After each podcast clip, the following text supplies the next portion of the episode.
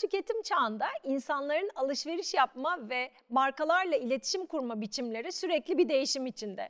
Bu nedenle markaların müşterilerine bütünleşik, kişiselleştirilmiş ve sorunsuz bir deneyim sunması çok önemli. Bugün Türkiye'nin mega perakendecisi Migros'un dünyasına girerek pazarlama otomasyonu ve kişiselleştirme sanatı aracılığıyla böyle bir deneyimi sağlama misyonunu nasıl üstlendiklerini anlayacağız.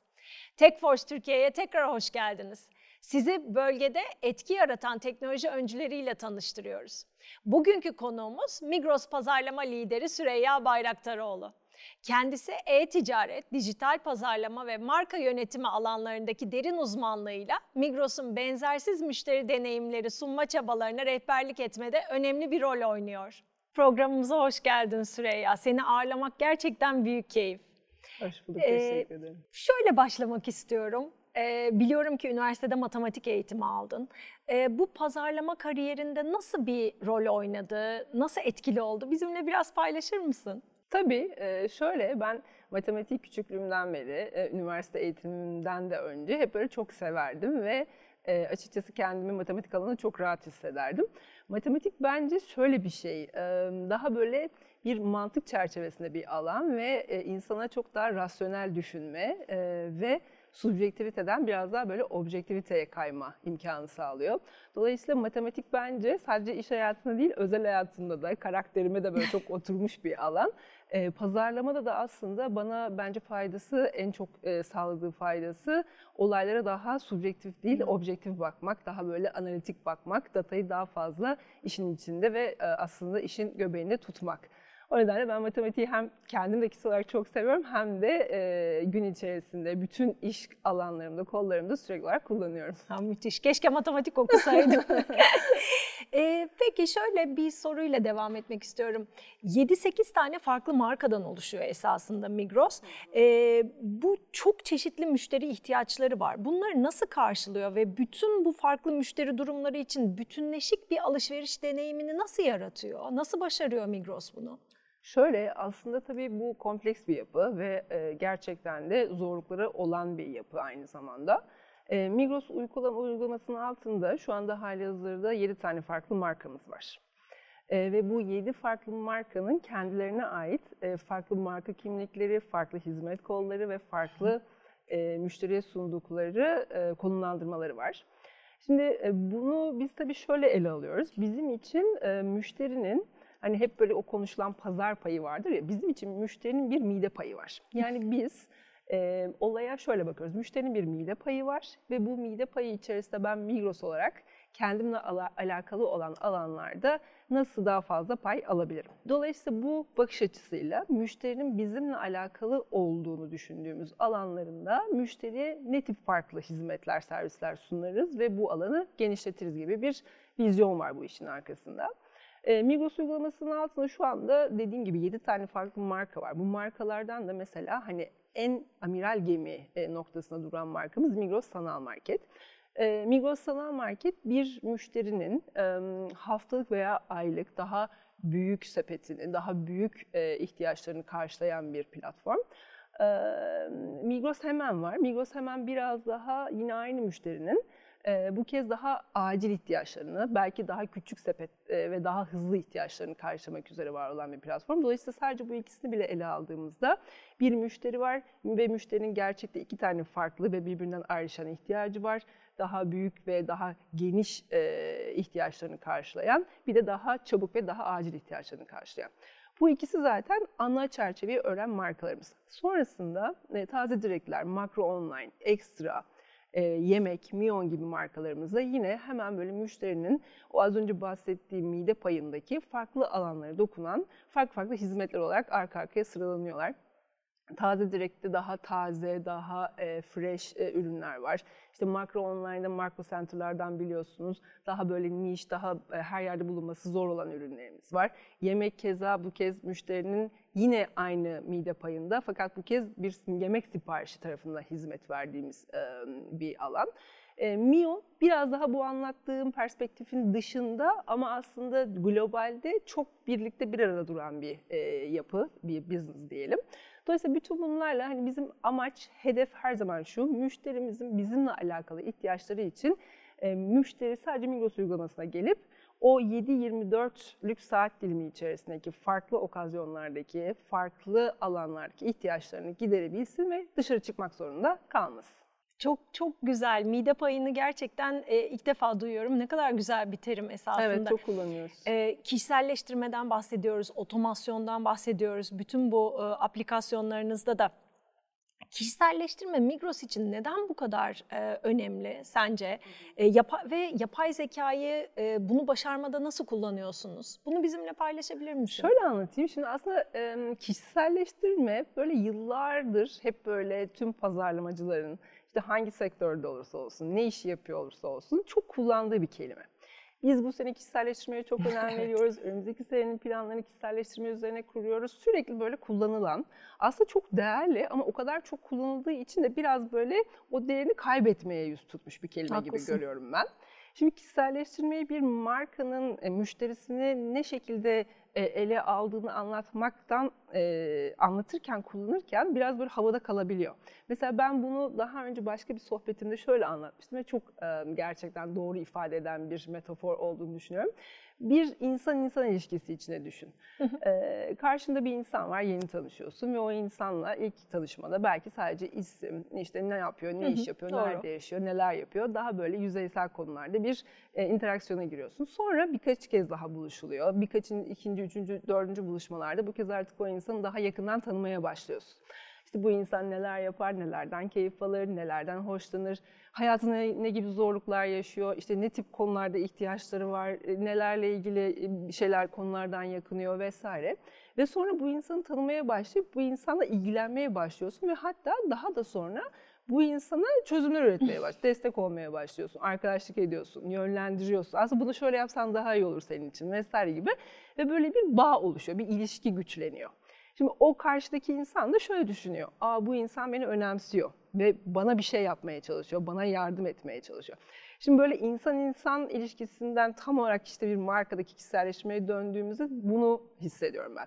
Bu, bu anlattığım şey kişiselleştirmeydi. İşte markada müşterisine, karşıdaki müşterisine bence bu davranışı uygulamaya çalışmalı ki markada karşı markanın bu davranışı karşısında müşteri de markaya Aa, evet bu marka beni önemsiyor, beni tanıyor ve benim için bir şeyler yapmaya çalışıyor diyebilsin. Bu nedenle ben kişiselleştirmenin gerçekten hani hangi iş kolunda olursa olsun, e, nasıl bir alanda e, olsun o iş olursa olsun o iş kolu muhakkak çok önemli ve müşterinin kalıcılığındaki belki de hani en değerli mihenk taşlarından bir tanesi olduğunu düşünüyorum. Ee, Çok güzel ifade ettin. Ee, bu metafor da çok ilginçmiş esasında. Şimdi Migros'la olan kendi yolculuğumu da düşününce Evet, e, çok evet. güzel bir metafor oldu. Ee, veriden bahsediyoruz ve bütün bunlar veriyle yapılıyor. Şu anda modern iş dünyasında esasında altın değerinde e, olarak ifade ediliyor. Altın diyoruz veriye.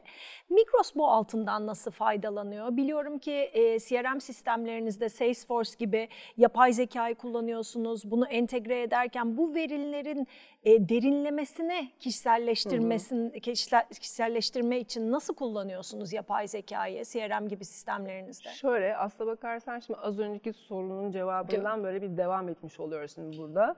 Ee, kişiselleştirme e, az önce anlattığım şekilde bir markanın e, müşterisini tanıması için e, işte o kapıları açtığı yol.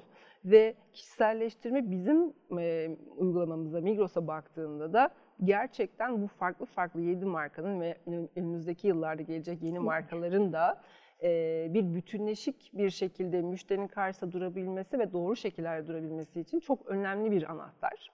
Şöyle belki bu Migros özelinde bu konuyu şöyle ele alabilirim. Şimdi Migros Türkiye'deki alanındaki lider bir retail firması ve 70 yıldır Migros Türkiye'de ve bu CRM işine, database işine bütün markalardan önce başlamış, gönül vermiş ve o database'ini biriktirmeye başlamış olan bir marka. Dolayısıyla bu markanın elinde bir defa yıllara dayanan bir müşteri bilgisi ve müşteri havuzu var. Sonra bu marka Türkiye'nin 81 ilinde e, operasyon gösteriyor. Bunu hem mağazacılık anlamında gösteriyor hem de online tarafta farklı markalarıyla gösteriyor. Dolayısıyla milyonlarca müşteri datasından bahsediyoruz. Yani senin bahsettiğin bu altın değerindeki data bizim elimizde çok güçlü bir şekilde ve çok derinlemesine var. Biz bu dataları tabii ki kişisel verilerin korunması durumuna çok dikkat ederek müşterinin bize müsaade ettiği ölçüde gerçekten işliyoruz, anlıyoruz ve müşteriyi de nasıl daha yakından tanırız, tanırız ve nasıl müşteriyi daha doğru yönlendiririz? Biz farklı marka olarak müşterinin karşısına nasıl daha doğru çıkarız şeklinde çok fazla inceliyoruz, analiz ediyoruz. Dolayısıyla Migros için şöyle söyleyebilirim. Kişiselleştirme bizim şu anda yapmaya çalıştığımız işin gerçekten çok ciddi anlamda göbeğinde. E, müşteriyi doğru tanımak, eldeki datayı doğru analiz edebilmek, doğru sonuçları çıkarmak o datadan ve ona göre doğru aksiyon planını çıkarmak en önemli, en kritik konu. Kişiselleştirme çok önemli olduğu kadar bence burada kişiselleşmenin doğru yapılması da çok önemli. İşte orada da aslında biraz işin içine AI girmeye başlıyor, Salesforce girmeye başlıyor. Şimdi yıllarca bazı şeyleri yapmaya çalıştık, dataları analiz etmeye çalıştık, oradan çıkarımlar e, çıkarmaya çalıştık. Fakat ne olursa olsun e, işin içinde en güçlü beyinler dahi olsa bu bir manuel bir iş ve bu manuel işin gidebileceği yerler kısıtlıydı. Şimdi elimizdeki e, CRM tool'larıyla bizim şu anda kullanmakta olduğumuz Salesforce e, platformu sayesinde biz en öncelikli farkı şöyle yaratıyoruz. E, bir defa bu iş artık bir manuellikten çıkıyor, bir otomasyona Otomasyon. dönüyor. Ve otomasyonluk da bize neyi sağlıyor? Bir, bence eldeki değerli arkadaşların eforlarını farklı yerlere yönlendirebilmesini sağlıyor. İkincisi, real time bu işi yapmayı sağlıyor. Çünkü ne olursa olsun e, o e, data yaşıyor. Data yaşayan bir data. Bu müşteri bugün başka bir davranış gösteriyor. Birkaç saat sonra başka bir davranış gösterecek. Sonra bambaşka bir bariyer yaşayacak. Sonra orada gidip başka bir şikayette bulunacak. Sonra gidip başka bir markadan tekrar alışveriş yapacak. Bunlar sizin ben bir hafta sonra bu datayı bir analiz edeyim bakayım ne olmuş diyebileceğiniz e, duranlıkta işler değil. Dolayısıyla işin canlı takip edilmesi ve o canlı takibin karşılığı canlı aksiyonların alınabilmesi için Salesforce bizim hani elimizdeki en önemli tool'umuz. E, tabii AI işin içine girdiğinde de işler daha kaliteli ve daha derin hale geliyor. E, dediğim gibi e, daha doğru analizler, daha doğru tahminler ve daha doğru e, öneriler, yönlendirmeler yapılabiliyor müşteriye. Evet, ile işleri, e, e, yapay zeka ile işleri de kolaylaştırıyoruz. Evet. Çok yoğun bir trafikten bahsettin e, müşteriler açısından. Oradan şuna gelmek istiyorum. Sadakat çok önemli. Hı hı. Sadakat özellikle de e, giderek azaldığı günlerde şu anda evet. Türkiye'de e, bu bu pazarda zorlu bir konu esasında. Sence günümüzde müşteriler arasında e, sadakati sağlayan temel faktörler nelerdir? Yani sadık müşterileri harcama alışkanlıklarını vurgulayarak e, özel bir şekilde tanımlıyoruz. Migros'un da tanımladığını biliyoruz esasında. Migros'un stratejilerini özellikle kampanyalar açısından değinecek olursak, müşteri katılımı açısından e, nasıl şekillendiriyor? Hı hı. Şöyle, şimdi aslında yine az önce konuştuğumuz kişiselleştirme bir noktadan sonra müşteri sadakatine dönüşmeye başlıyor. Çünkü müşteri sadakatinin arkasındaki en önemli konu o markanın bir defa müşterinin yanında var olmak istemesini, müşterinin anlaması. Yani müşteri tarafında evet bu marka beni anlamaya çalışıyor, benim değerlerime önem veriyor, benim şikayetlerime ya da e, mutlu olduğum konulara ağırlık vermeye çalışıyor diyebilmesi. Müşteri bunu tutarlı bir şekilde yaşadıktan sonra da artık zaten başka bir e, kanala, başka bir platforma, başka bir markaya yönlenmesine çok da gerek kalmıyor. Zaten müşteriler de kendileri için kolay olanı tercih etmek isteyecekler. Kesinlikle. Yani her defasında farklı bir şey deneyeyim, her defasında başka bir alternatif bulmaya çalışayım değil. Yani ben bir yerde kendimi rahat hissedeyim, karşılıklı birbirimizden faydalanabilelim ve ondan sonra ben hep orada kalsam keşke psikolojisidir müşteriler. Bizim burada az önce dediğim gibi işte o kişiselleştirmenin derinleşmesi, müşteriye doğru şekilde karşısına çıkabilmek, işte bunlar müşterinin hakikaten burada kalıcı hale gelmesini sağlıyor. Hatta Migros özelinde baktığımızda da hani Migros'ta bir mağazacılık var. Bir de Migros online yani uygulama tarafındaki o 7 farklı marka var ve şöyle düşünmek lazım. Bu markalar müşterilerin sadık olabilmesi ve müşterilerin farklı farklı markaları hem mağazayı yani hem offline tarafı hem online tarafı deneyimlemesi hem o online taraftaki farklı markaları deneyimlemesi açısından müşterinin sadık olması çok önemli. Yani müşteri sadık biraz böyle yumurta tavuk gibi. müşteri sadık olmaya, sende kalmaya kararlı olduğu sürece farklı opsiyonlara denemeye devam ediyor. Farklı opsiyonları deneyip memnun kaldığı sürece tekrar o sadakat güçlenmeye başlıyor. Ve müşteri mesela bizim çok önemli şöyle bir bulgumuz vardır. Bu özellikle on, e, markaların online ayakları işin içine girdiği yıllarda hep şöyle bir telaş oldu. Ya acaba online offline'dan e, çalacak mı? Evet. Cannibalization olacak mı? Şimdi mesela bizim kendi içerimizde ekosistemdeki en gurur duyduğumuz ve en e, memnun olduğumuz e, olaylardan bir tanesi müşteri biz ona hibritleşme diyoruz tabii kendi içimizde. Müşteri hibritleştikçe hem daha sadakati artıyor, Artıyor. hem harcaması artıyor, hem bize geçirdiği süre artıyor. Asla kimse kimseden çalmıyor. Bir müşteri eğer offline'da bir memnuniyet yaratıldı ve orada bir sadık müşteri olmaya başladıysa online'a da dönmeye başlıyor.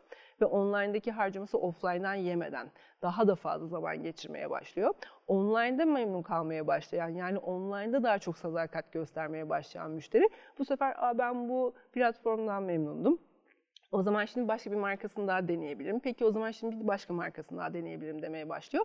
Ve tabii Salesforce'la birlikte biz de müşteriye aynı işaretleri vermeye başlıyoruz. Sen benden memnunsun, böyle bir şey bu markamda taze alışveriş yapıyordun ama bak böyle bir markam daha var buradan da deneyebilirsin. Yani aslında hepsi böyle e, birbiriyle çok bağlantılı, Dokunarak, evet birbirine evet. çok dokunan böyle çarklar gibi düşünebiliriz. Çok güzel yumurta tavuk ifadesi de benzetmesi de çok güzel oldu esasında.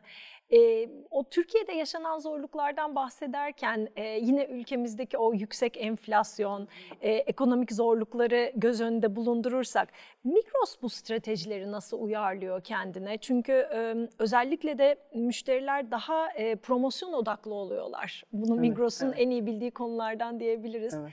E, nasıl e, bir strateji uyguluyorsunuz orada? Şimdi şöyle, öncelikle Migros tabii Türkiye'de lider, köklü, güçlü, kaliteli gibi sıfatlarla artık bu sıfatlar üzerine yapışmış olan bir marka olarak bu sıfatların getirmiş olduğu pozitif katkıları olduğu gibi bu sıfatlar otomatik olarak aslında bir pahalı algısına da e, indirekt olarak hizmet eden sıfatlar oluyor. Dolayısıyla aslında Türkiye'de e, yakın bir zamana kadar Migros'la alakalı bir nebze böyle bir pahalı algısı da vardı.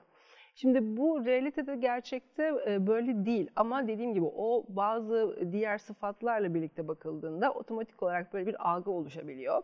E, realitede olan kısımlar var, farklı olan kısımlar var. Biz zaten uzun süredir e, öncelikle müşterilerimize doğrusunun nasıl olduğunu anlatmaya çalışıyoruz ve e, algı indikatörlerimizde baktığımızda bunların gerçekten değiştiğini de harekete geçtiğini, istediğimiz şekilde yöne doğru harekete Harika. geçtiğini görebiliyoruz birincisi. İkincisi e, Türkiye'de e, gerçekten müşteri davranışında şöyle önemli bir farklılaşma oldu son iki yıldır pandemiden sonra ama son özellikle iki yıldır çok e, aktif olarak müşteriler gerçekten çok ciddi bir fiyat hassasiyetine girdiler. E, fiyat hassasiyeti zaten her zaman olması beklenen bir şeydi belki müşterilerde ama yine de belli sosyoekonomik sınıflarda olan, belli sosyoekonomik sınıflarda da o kadar hissedilmeyen bir durumdu. Şimdi artık bu gerçekten her tip sınıfta, her tip sosyoekonomik sınıfta çok net gözlemlenen e, ve hatta bir e, kriter değil bir hijyen faktörü haline gelmiş olan bir konu oldu. E, bugün e, kendinden düşün, ben kendimden Kesinlikle. düşünüyorum. Muhakkak artık hani en uygun fiyatlısı nerede? Şurada bir indirim var, burada bir teklif var, burada bir kupon var. Bunlar artık hepimizin e, ilgi alanına giren konular haline geldi. Dolayısıyla bu e, bir markanın kendi başına en uygun fiyatlı benim, en çok indirim bende diyebileceği bir konu olmaktan çıktı. Çıktı. Bu artık böyle bir hijyen ve bir baz olmaya başladı. Dolayısıyla aslında bu yine Migros'un e, bulunduğu konum itibariyle işine gelen ve işine yarayan bir konu. Biz zaten bu konudaki hassasiyetin farkındayız ve bu konularla alakalı aksiyonlar alıyoruz. Hem realiteyi müşteriye biraz daha anlatmak hem de gerçekten bazı konularda da aksiyon almak gerektiğini bilerek bunlarla alakalı adımlarımızı hep atıyoruz. Ama müşteri hep şöyle düşünüyor. Artık zaten bütün markalar bunun farkında ve bu indirim, bu promosyon ortamı hepimiz için geçerli oldu. E, bunun üzerine de hala ben e, markamdan güven istiyorum, kalite istiyorum, doğru hizmeti istiyorum. Sadece bir fiyat sebebiyle koştura koştura oradan oraya oradan oraya gitmiyorum kafasındalar aynı zamanda. İşte bütün hepsi birleştiğinde dediğim gibi hani biz de algı bir yere kadar çektik ama kalite ve güvenle birleşince en sağlıklı noktaya gelmiş olduk bence. Evet çok güzel. Günümüzü çok güzel değerlendirdik. Peki biraz da böyle geleceğe bakacak olursak, bütün bu gelişmeleri, teknolojik yenilikleri düşündüğümüzde, dijital müşteri deneyimi dedik. Bütün bunlara baktığımızda nasıl gelişmeler görüyorsun? Hem Migros açısından e, bir onları konuşalım istiyorum son olarak. Bir de tabii e, bu sektöre yeni giren şirketlere ya Hı da hı. teknolojik değişimle e, kendilerini değiştirmek isteyen şirketlere önerilerin olur mu? Evet. Şöyle görüyorum aslında Umut. Şimdi artık öyle bir dünyaya geldik ki herkesin her şeye erişimi var. Herkes her şeyi kolay- kolayca kontrol edebiliyor, birbiriyle kıyaslayabiliyor, birçok şeye online veya offline olarak erişebiliyor. Dolayısıyla bu aslında markaların işini zorlaştırıyor. Kendilerini çok ciddi anlamda ayrıştırmaları ya da sahiplendikleri alanların çok ciddi anlamda altını çizmelerini Doğru. gerektiriyor. Bir ikincisi de teknolojinin ilerlemesi markaların bunları yapabilmesini de kolaylaştırıyor. Şimdi az önce anlatmış olduğumuz, çok değindiğimiz gerçek anlamda kişiselleştirmeyi yapmayı e, dediğim gibi yıllarca konuştuk. Ama şimdi öyle bir noktaya geldik ki ben artık müşterinin saat kaçta hangi marka üzerinden neler aldığını, sonra başka bir marka üzerinden başka bir ihtiyacı için nasıl bir tüketim yaptığını, gidip mağazada aynı müşterinin nasıl bir davranış gösterdiğini, sonra aynı müşterinin belki bir şikayeti varsa o müşteri şikayetle ilgili nasıl bir aksiyon aldığını her şeyi takip edebiliyorum. Ben o müşterinin sepetine bugün meyve mi girdi, muz mu girdi, limon mu girdi, e, kıyma mı aldı, alırken almayı mı bıraktı her şeyini Her şey. görebiliyorum. Dolayısıyla e, artık böyle de teknoloji, elimizdeki teknolojinin çok güçlendiği ve dolayısıyla markaların da elini güçlendirdiği bir dünyaya döndük. Bu aynı zamanda bence ilerleyen yıllarda bizlere şu imkanları da tanıyacak. Yavaş yavaş bunlara başlamış Başladı. olan markalar var tabii ki. Ama markalar sadece kendi operasyon gösterdikleri alanlarda kalmayacaklar. Yeni e, kontentlere yönelecekler, yeni alanlara yönlenecekler. Çünkü bu alanlara yönelmek çok kolay olacak. Hatta bu alanlara yönelemeyen markalar geride kalacaklar. Dolayısıyla müşteriyi doğru anlamak adına bu altın dediğimiz datayı doğru işlemek, o kişiselleştirme denen şeyi doğru yapabilmek. O kişiselleşme denilen şey doğru yapılmadığında e, ciro kaybına sebep olacak. Çok hassas bıçak sırtı bir konu. Bunları doğru yapmak ve dediğim gibi kendi alanları dışında yeni yeni alanlara açılabilmek ya da kendi alanıyla bağlantılı bambaşka kontentlere açılabilmek. Bunlar bence gerçekten e, önümüzdeki yılların e, bizim gibi markalar için ana konuları olacak ve bu alanlara yatırım yapan markalar da müşteriyle Ayakta çok daha güçlü Kesinlikle. bağlar kuracak. Çok heyecanlı bir gelecek bizi bekliyor diyorum. Aynen öyle. E, Süreyya bu podcastimizde bizimle olduğun için çok teşekkür ederiz. Çok keyifli bir sohbet Benim oldu. için de öyleydi. Çok, Çok teşekkür teşekkürler. ederim. Bugün TechForce Türkiye'ye katıldığınız için teşekkür ederiz. Ve sevgili dinleyicilerimiz, Migros ile perakendenin geleceğine yaptığımız bu yolculukta bizlerle olduğunuz için teşekkürler. Bir sonraki bölümümüzde bölgeden bir başka teknoloji vizyoneriyle konuşacağız.